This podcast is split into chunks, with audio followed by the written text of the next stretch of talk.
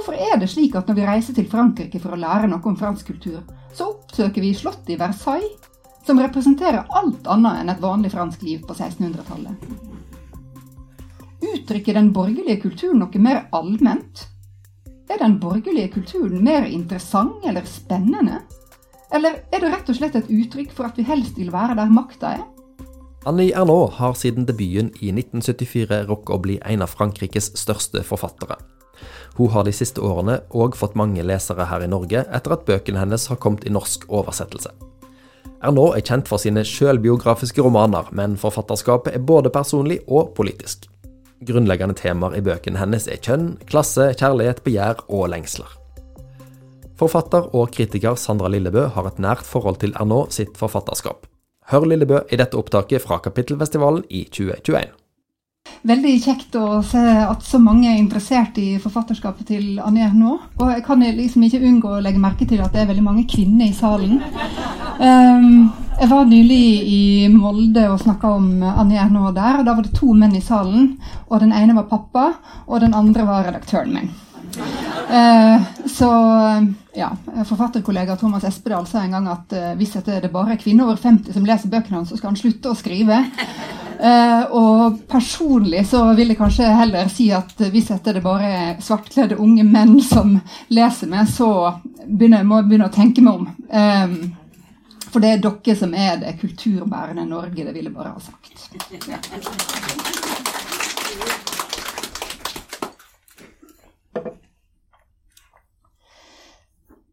Ja, hvordan starter man? Hvordan begynner man på ei bok? På ei fortelling, et mm. dikt, et liv. Hvordan starter man et nytt forhold? Hvordan begynner man å bygge et hus? Hvor skal grunnsteinen ligge? Og hvordan skal den være laga for at ikke alt bare skal ende i et ras?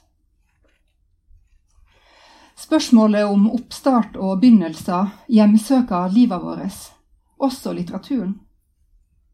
Den største skuffelsen jeg har opplevd som forfatter, var etter at jeg hadde debutert, og trodde at det fra da av ikke ville være noe problem å skrive flere bøker.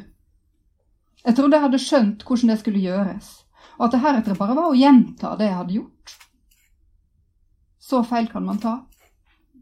Likevel tok jeg feil igjen etter å ha skrevet bok nummer to, og så enda en gang nå, når jeg har skrevet den tredje. Av å skrive ei bok lærer man absolutt ingenting, utenom hvordan det var å skrive akkurat den boka. Og i neste må man begynne helt på nytt. Akkurat som det å ha et barn fra før ikke lærer noe særlig om det neste. Alt ligner, og likevel er det helt forskjellig. Derfor kan vi heller ikke vite nøyaktig når det er begynnelsen begynner, verken i litterær forstand eller i livet. Men dersom jeg skal forsøke å si noe, jeg må advare om dette her blir litt metafysikk, så, så vil jeg foreslå at begynnelsen opptrer i det øyeblikket essensen i forståelsen bringes ut i dagslys. Samtidig som det meste av den fremdeles er ukjent og uoppdaga. Jeg tror at det er denne pendlinga mellom det vi vet, og det vi ikke vet, som driver nysgjerrigheten vår fremover. Og som gjør både den som forteller, og den som lytter, eller den som skriver, og den som leser, i stand til å holde på oppmerksomheten. For å begynne på noe må man vite noe. Men man kan ikke vite alt. Slik blir enhver begynnelse også del av en kontinuitet, som ei rekke med prikker stilt inntil hverandre som til sammen blir en linje.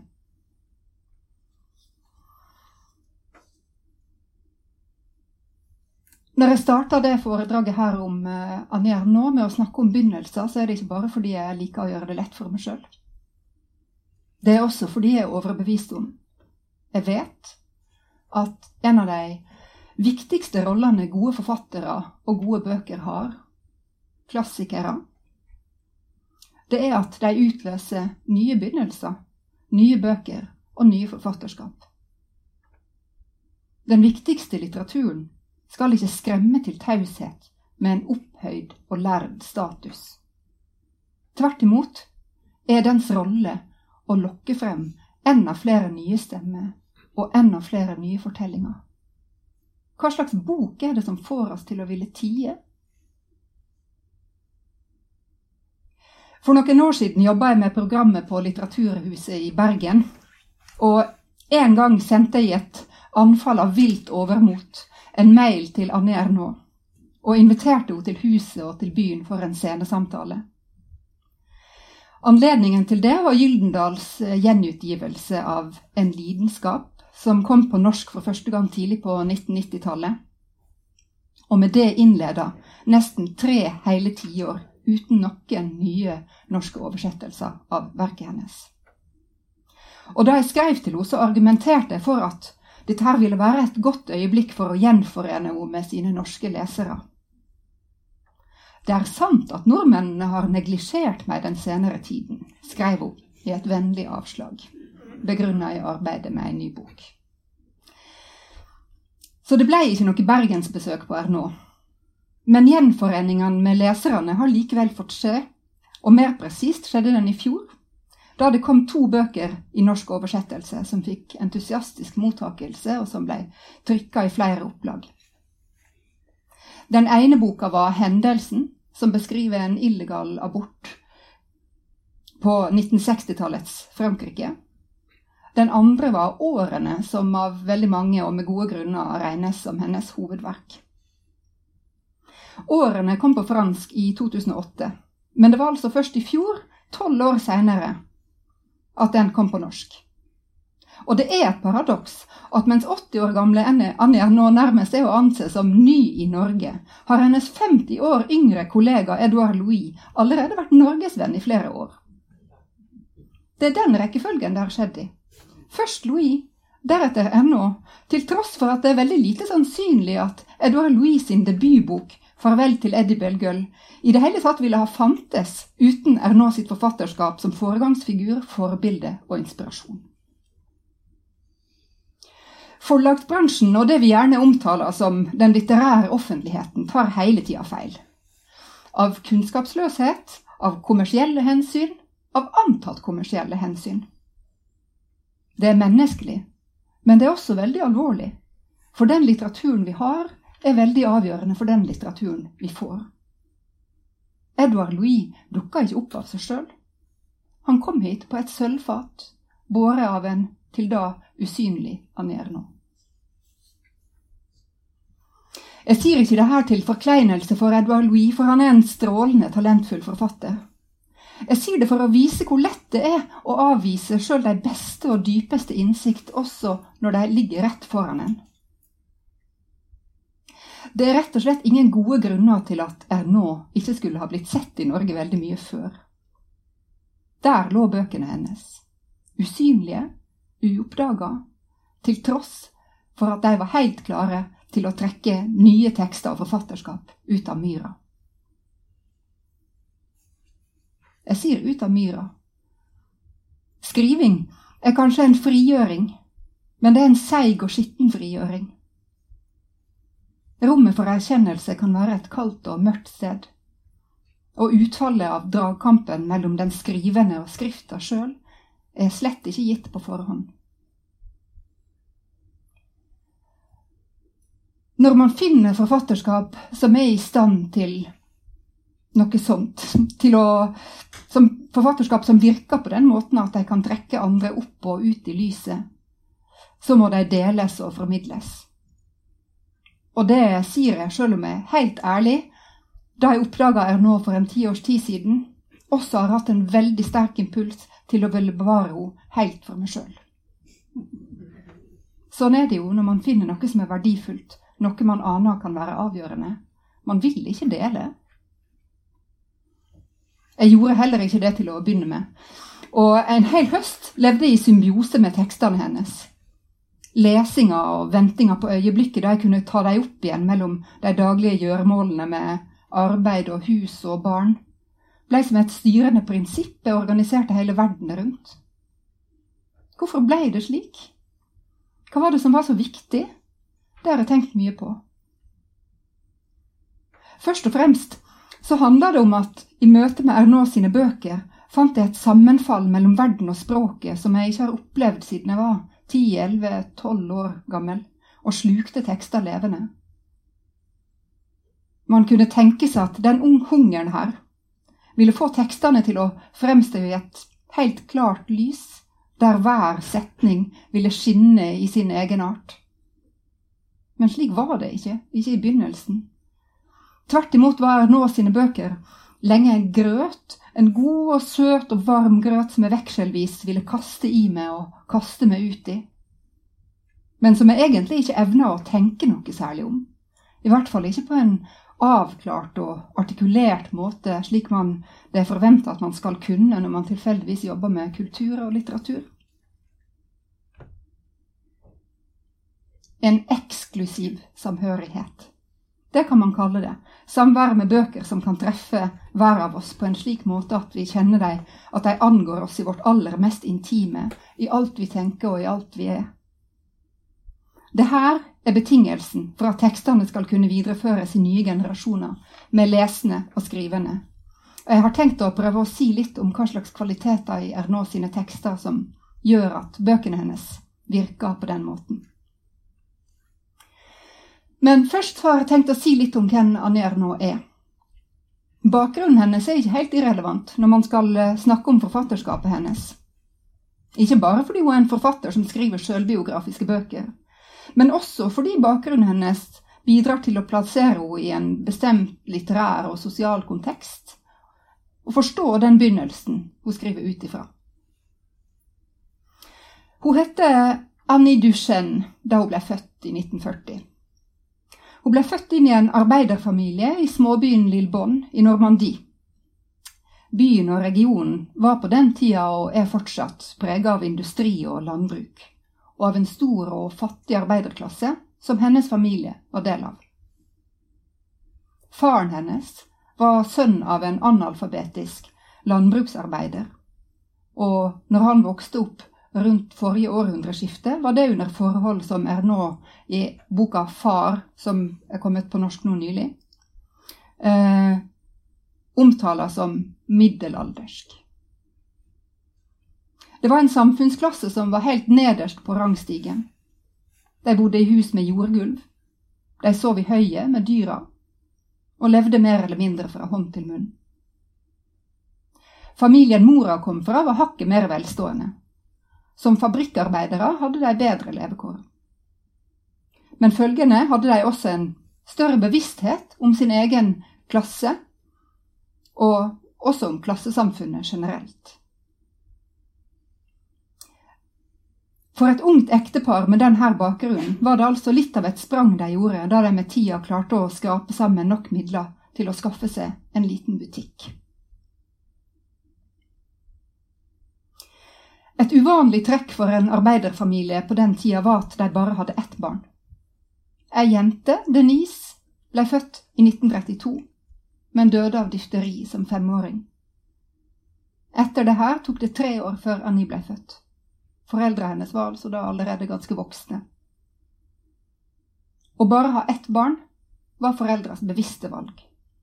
De hadde begrensa med midler til rådighet, og ville gjøre det de kunne for å gi det ene barnet det som var nødvendig for å få et godt liv. Søstera sin eksistens og død ble holdt som en hemmelighet for Annie gjennom oppveksten, helt til hun oppdaga det ved en tilfeldighet i tiårsalderen. Både den hemmeligheten det var, og avdekkinga av den, kom til å prege henne sterkt, og er et gjentagende tema i flere av bøkene, om enn litt perifert. I debutromanen fra 1974, De tomme skapene, har hovedpersonen navnet Denise, som den avdøde søstera.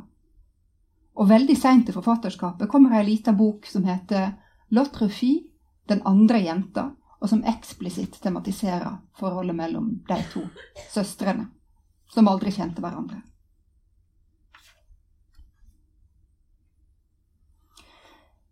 I 1945 er Annie fem år.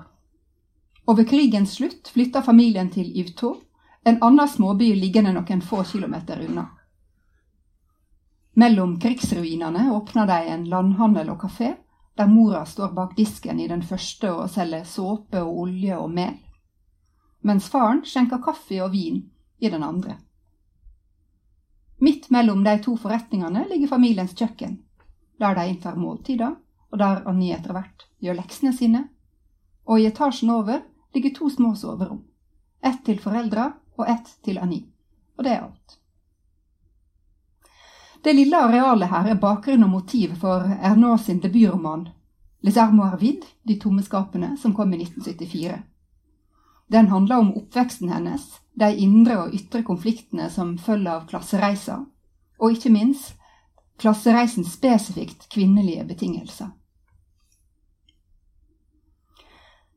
Da romanen kommer ut, er nå 34 år og gift tobarnsmor. Hun har studert litteratur ved universitetet og jobber som fransklærer ved en videregående skole et sted i Alpene.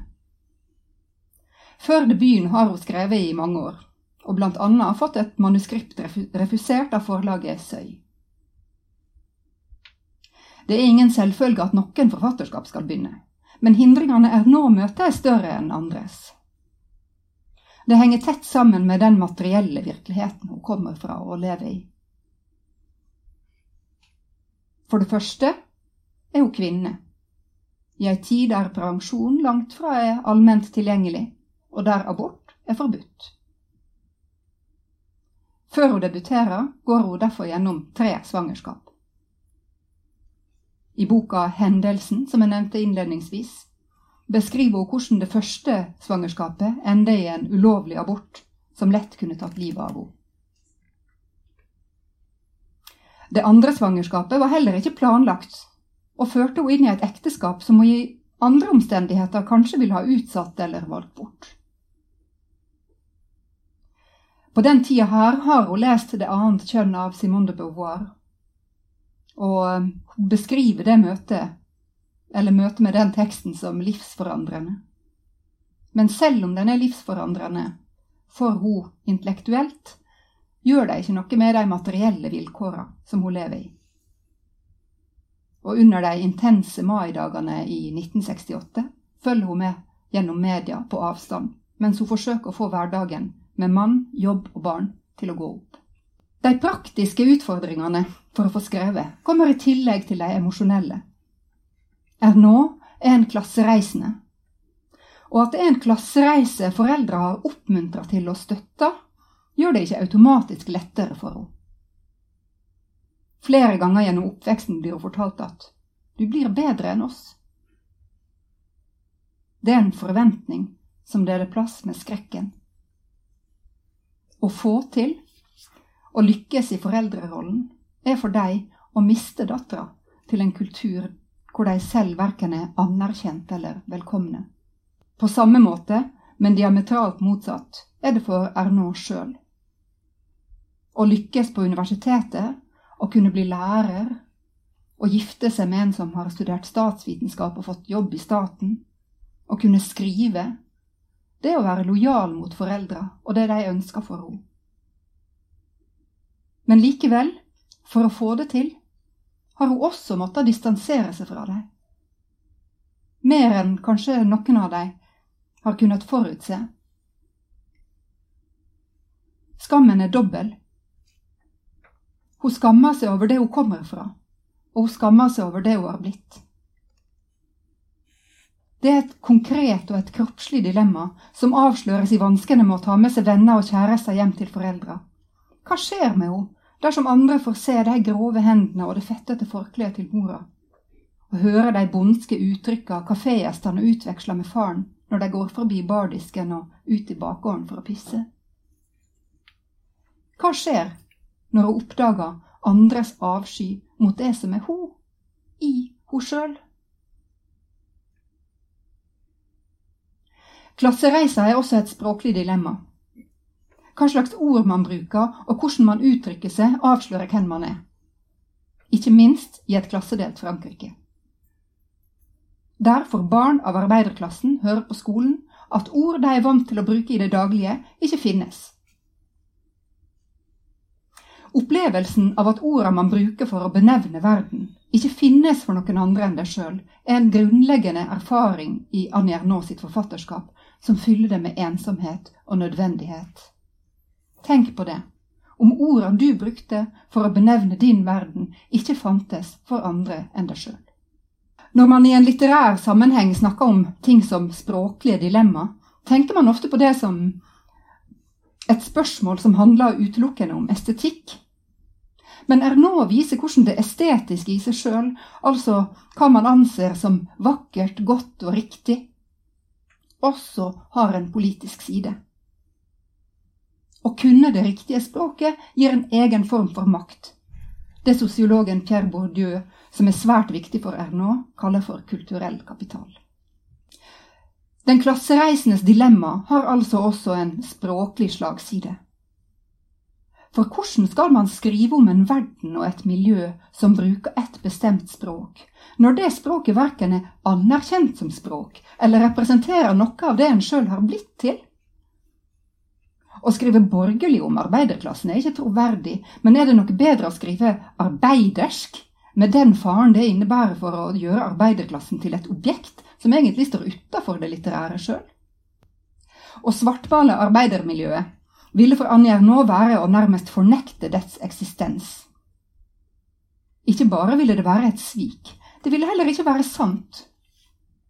Like lite som en idyllisering ville være det, som hun sjøl formulerer det i et intervju med Michel Port, i en hyllest som fornekter de reelle dominasjonsforholdene. Utveien fra dette dilemmaet blir for Ernaud å kutte språket ned til kjerna.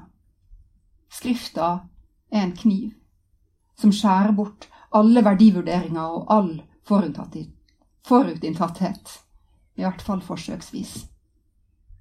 Hun unngår adjektiv, hun skyr metaforer. Hun vil ikke bruke bilder som ikke er helt konkrete og virkelige, de bruker hun til gjengjeld i fleng. Askebegeret, karamellen, fettflekken, støvet, bøkene. Ord og ting er det samme. Ord er ting. Ord er bruksgjenstander. Det er derfor det har en effekt. Det er derfor språk virker. Jeg tror det er denne konkrete renskårenheten som gjør at til og med referanser man ikke har noen forutsetninger for å forstå, fremstår som klare og tydelige når man leser bøkene hennes. Hun bruker kniven som arbeidsredskap, og skjærer seg ned til det eksistensielle grunnfjellet vi alle står på. Livet er materie, og i den materien er orda en bestanddel. Vilja til å kutte er noe Ernaud har til felles med flere andre store forfattere, her i Norge kanskje først og fremst forbundet med nylig avdøde Kjell Askildsen. Onde tunge kunne likevel ha sagt for at hun står i fare for å høvle sybordet ned til Skjærefjøl, slik det gikk for Vesle Jensemann i Alf Brøysens vise. Noen av Anja Ernaux sine bøker er så tynne at mange jeg kjenner ikke ville karakterisert dem som ordentlige bøker i det hele tatt. Men det rare og nesten magiske er at i denne minimalismen er det absolutt ingenting som kjennes tørt. Materialiteten lever. Fra debutboka til den foreløpig nyeste Memoire de Fie, Sommeren 58 heter den på norsk, som kom i 2016 på fransk der hun går tilbake til den sommeren hun var 18 og hadde sin første erfaring med en mann. En neddempa, nesten nedstrippa stil til tross. Den sterke sanseligheten er et betydelig trekk i dette forfatterskapet her. Fra sukkertøyet som har mjukna i varmen og som hun sniker til seg fra morens butikk, til svartrennete arbeidsnever som holder tett om glasset ved baren i farens kafé. Det er en sanselighet som er erkjennelsesgivende og lykkebringende for barnet, som for forfatteren. Men i takt med at det skrivende jeget internaliserer det utdanna borgerskapets blikk på seg sjøl og sine omgivelser, blir den også i økende grad en trussel. Når man leser Sommeren 58, forstår man hvorfor forfatteren har måttet vente nesten 60 år på å skrive om denne erfaringa. Begjæret er ikke, bar, er ikke bare noe som skjer fra innsida. Det er også noe som vurderes fra utsida, som en forventning eller som en trussel.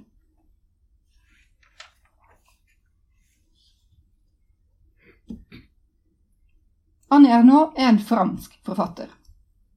Hun er en eh, skolert forfatter, og hun skriver seg tydelig inn i den franske humanistisk-litterære tradisjonen. Jeg har snakka mye om bakgrunnen hennes, men det betyr ikke at hun bare ligner andre forfattere med en bakgrunn som er lik hennes egen, som f.eks. Violette Leduc, for, for øvrig som er en annen underkjent fransk kvinnelig forfatter som noen i Norge straks burde ta på seg ansvaret for å få oversatt. Skriften hennes ligner like mye på den til Simone de Beauvoir, og ikke minst den til Marcel Proust. Så begge er tydelige inspirasjonskilder når det eh, hva som angår feministisk analyse og minnearbeid, men som er helt utilstrekkelige når det kommer til klasseanalysen. Jeg syns det er interessant å merke seg at mens Simone de Beauvoir har skrevet ei bok som heter Memoir d'une jeune fille en ung, veloppdragen pikes erindringer, har Ernaud skrevet ei bok som heter Memoire de Fie. Den heter altså Sommeren 58 på norsk, men rett oversatt betyr det Jenteminne. Der Beauvoir sin lange tittelformulering er passende for å beskrive en oppvekst i et beskytta parisisk borgerskap, beskriver Ernaud jenteminne livet slik som det oftest er, ganske kort og helt vanlig. I hennes litterære innflytelsesrom finnes det altså et ledig sted for noen som veit noe om sosial klasse. Og her kommer innflytelsen fra tenkere som Michel Foucault og Pierre Bourdieu inn. I Ernaud sitt utsagn om at ord er ting, kan man lese en tydelig hilsen til et av Foucault sitt mest kjente verk, Le mot et le chose, som egentlig betyr ordene og tingene, men som har fått tittelen Tingenes orden på norsk. Foucault sin analyse av hvordan maktforhold kan avleses i navngivninga av ting, har hatt stor betydning for Ernaud sin forståelse av sammenheng mellom verden og språket, og dermed også verdien som ligger i det politiske Nei, politiske det språklige arbeidet. Man kan si den politiske verdien som ligger i det språklige arbeidet. ja. Innskrivninga av individet sitt livsløp i det kollektive går som en rød tråd gjennom Ernaud sitt forfatterskap. Og de som har lest sosiologen Pierre Bourdieu, vil kjenne igjen hans sosiologiske metode i form av deskriptive feltstudier kombinert med analyse av maktforhold og sosial dominans. Nå debuterte Ernaud før Pierre Bourdieu ble særlig kjent i Frankrike. Likevel så ser vi likheter tegne seg allerede fra debutromanen De tomme skapene, via Far, som hun fikk Renaudot-prisen for i 1984, og til Årene, som altså kom i 2008. Ernaud sjøl har kalt årene en upersonlig eller kollektiv selvbiografi. De som har lest flere bøker av henne, vil nok gjenkjenne både bilder, scener og setninger fra hennes tidligere tekster, uten at dette betyr at boka på noen måte kan reduseres til en slags kollasj av hennes samlede liv og verk. Kort fortalt er årene en historie om den franske etterkrigstida, sett med blikket til ei kvinne som vokser opp i arbeiderklassen som et elska enebarn, og seinere blir student, lærer og forfatter. Noe av det mest påfallende med boka er at selv om den tar utgangspunkt i ett bestemt individ sitt liv og erfaringer, og tar utgangspunkt i noe annet enn å handle om, bare så det understreker, så bruker hun veldig sjelden pronomenet 'jeg' eller pronomenet 'hun', som hun ellers gjør i forfatterskapet sitt. I den boka her erstatta hun det noen ganger med tredjepersonspronomenet on, det noe ansiktsløse mann eller en, som på muntlig fransk er likestilt med førsteperson flertall, vi. Og vi er det som hun oftest benytter i den teksten her. Denne eksplisitte vendinga mot det kollektive understreker ytterligere sammenfiltringa mellom det estetiske og det politiske. Når Ernaud går fra å si 'jeg' til å si 'vi', er det ikke for å vise jegets utilstrekkelighet, eller at den individuelle erfaringa ikke gjelder. Tvert imot er det å vise at jeget uttrykker noe objektivt, noe sant. At jeget kommer fra et sted. At det avhenger av andre. Hva klasse vi er født inn i, er ikke uten betydning. Og hvem som gjør klassereiser, er heller ikke tilfeldig. Vi er ikke isolerte. Historien, det er oss, Samfunnet, det er oss. Til og med tanken og følelsen er oss. Eh, jeg kan nevne at Anja nå ikke, heller ikke er en som nøyer seg med å la den politiske bevisstheten utfolde seg innenfor permene på, sine egne bøker. Um, hun har ikke streika med fabrikkarbeiderne, som Sartre gjorde det. Hun har ikke talt til jernbanearbeiderne, som Bourdieu. Men hun er aktiv i den politiske debatten, senest i forbindelse med koronapandemien, der hun skrev et åpent brev til Emmanuel Macron, hvor hun gikk i rette med den hule krigsretorikken han brukte for å beskrive situasjonen i det koronarammede Frankrike, etter at han i flere år har overhørt ropa fra helsearbeiderne om situasjonen i sykehusene i landet.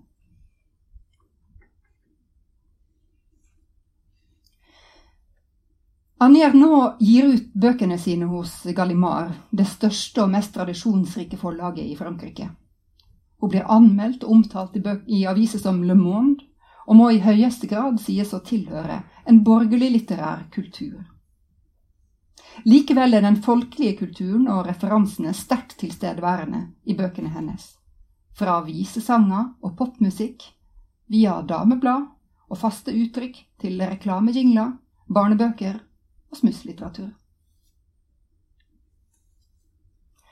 En av årsakene til at det har tatt litt tid, altfor lang tid, vil noen av oss si, før årene er kommet på norsk, kan også være at det nettopp pga. det her er en gedigen oversetter, oversetterutfordring. Og det er all grunn til å gi honnør til oversetteren Henninge Margrethe Solberg, som har gitt seg i kast med oppgaven og løst den på briljant vis. Man skal rett og slett ha en ganske solid kulturkunnskap for å kunne gå løs på en sånn tekst. En del av oss har nok hørt om Jacques Brel eller Charles de Gaulle. Færre er kjent med sjokoladepulveret Banania og den tilhørende rasistiske reklamen som franskmenn har sunget på i generasjoner. Like få vil kjenne til de katolsk-borgerlige barnebøkene om Martin, som flere generasjoner franske barn har vokst opp med, og som det i dag lages memes om for omtrent hver eneste nyhetshendelse på franske sosiale medium. Og egentlig er det verdt å grunne litt på det her. Hvorfor er det slik at den høyborgerlige kulturen har fått reise over til dels store geografiske avstander og sette sine avtrykk der, mens den folkelige kulturen oftere har blitt værende lokale fenomen for spesielt interesserte? Hvorfor er det slik at når vi reiser til Frankrike for å lære noe om fransk kultur, så oppsøker vi slottet i Versailles, som representerer alt annet enn et vanlig fransk liv på 1600-tallet? Uttrykker den borgerlige kulturen noe mer allment? Er den borgerlige kulturen mer interessant eller spennende? Eller er det rett og slett et uttrykk for at vi helst vil være der makta er? Som norsk leser går man altså nødvendigvis glipp av en del av Ernaux sine referanser. Ikke bare fordi de er franske, men fordi de tilhører et sjikt som de fleste kulturformidlere overser eller ikke bryr seg om. Det magiske er at det her sjelden er til hinder for forståelse av teksten. Fordi språket er så reinskåret, og fenomener får fremstå i en så rein form, blir årene for en norsk leser ikke bare et besøk i et Frankrike for noen tiår siden. Det blir også en utforskning av oss sjøl, hvem vi er, og hva som har forma oss. Kanskje ender vi med å tenke på Ingrid Espelid Hovig, eller på Einar Gerhardsen, eller på Omo-reklamene som vi satt som fjetter foran da vi endelig fikk kommersielt fjernsyn i 1992. I det andre finner vi oss sjøl. Og da er vi tilbake ved begynnelsen, og til mitt innledningsspørsmål om hva begynnelsen er, og hvordan begynnelsen begynner. For det her er hva begynnelsen er. Et konsentrat av noe veldig kjent, som også inneholder en uendelighet av ting som vi ikke vet. Og at de bøkene her finnes på norsk, er garantert også en begynnelse på noe nytt. Takk for meg.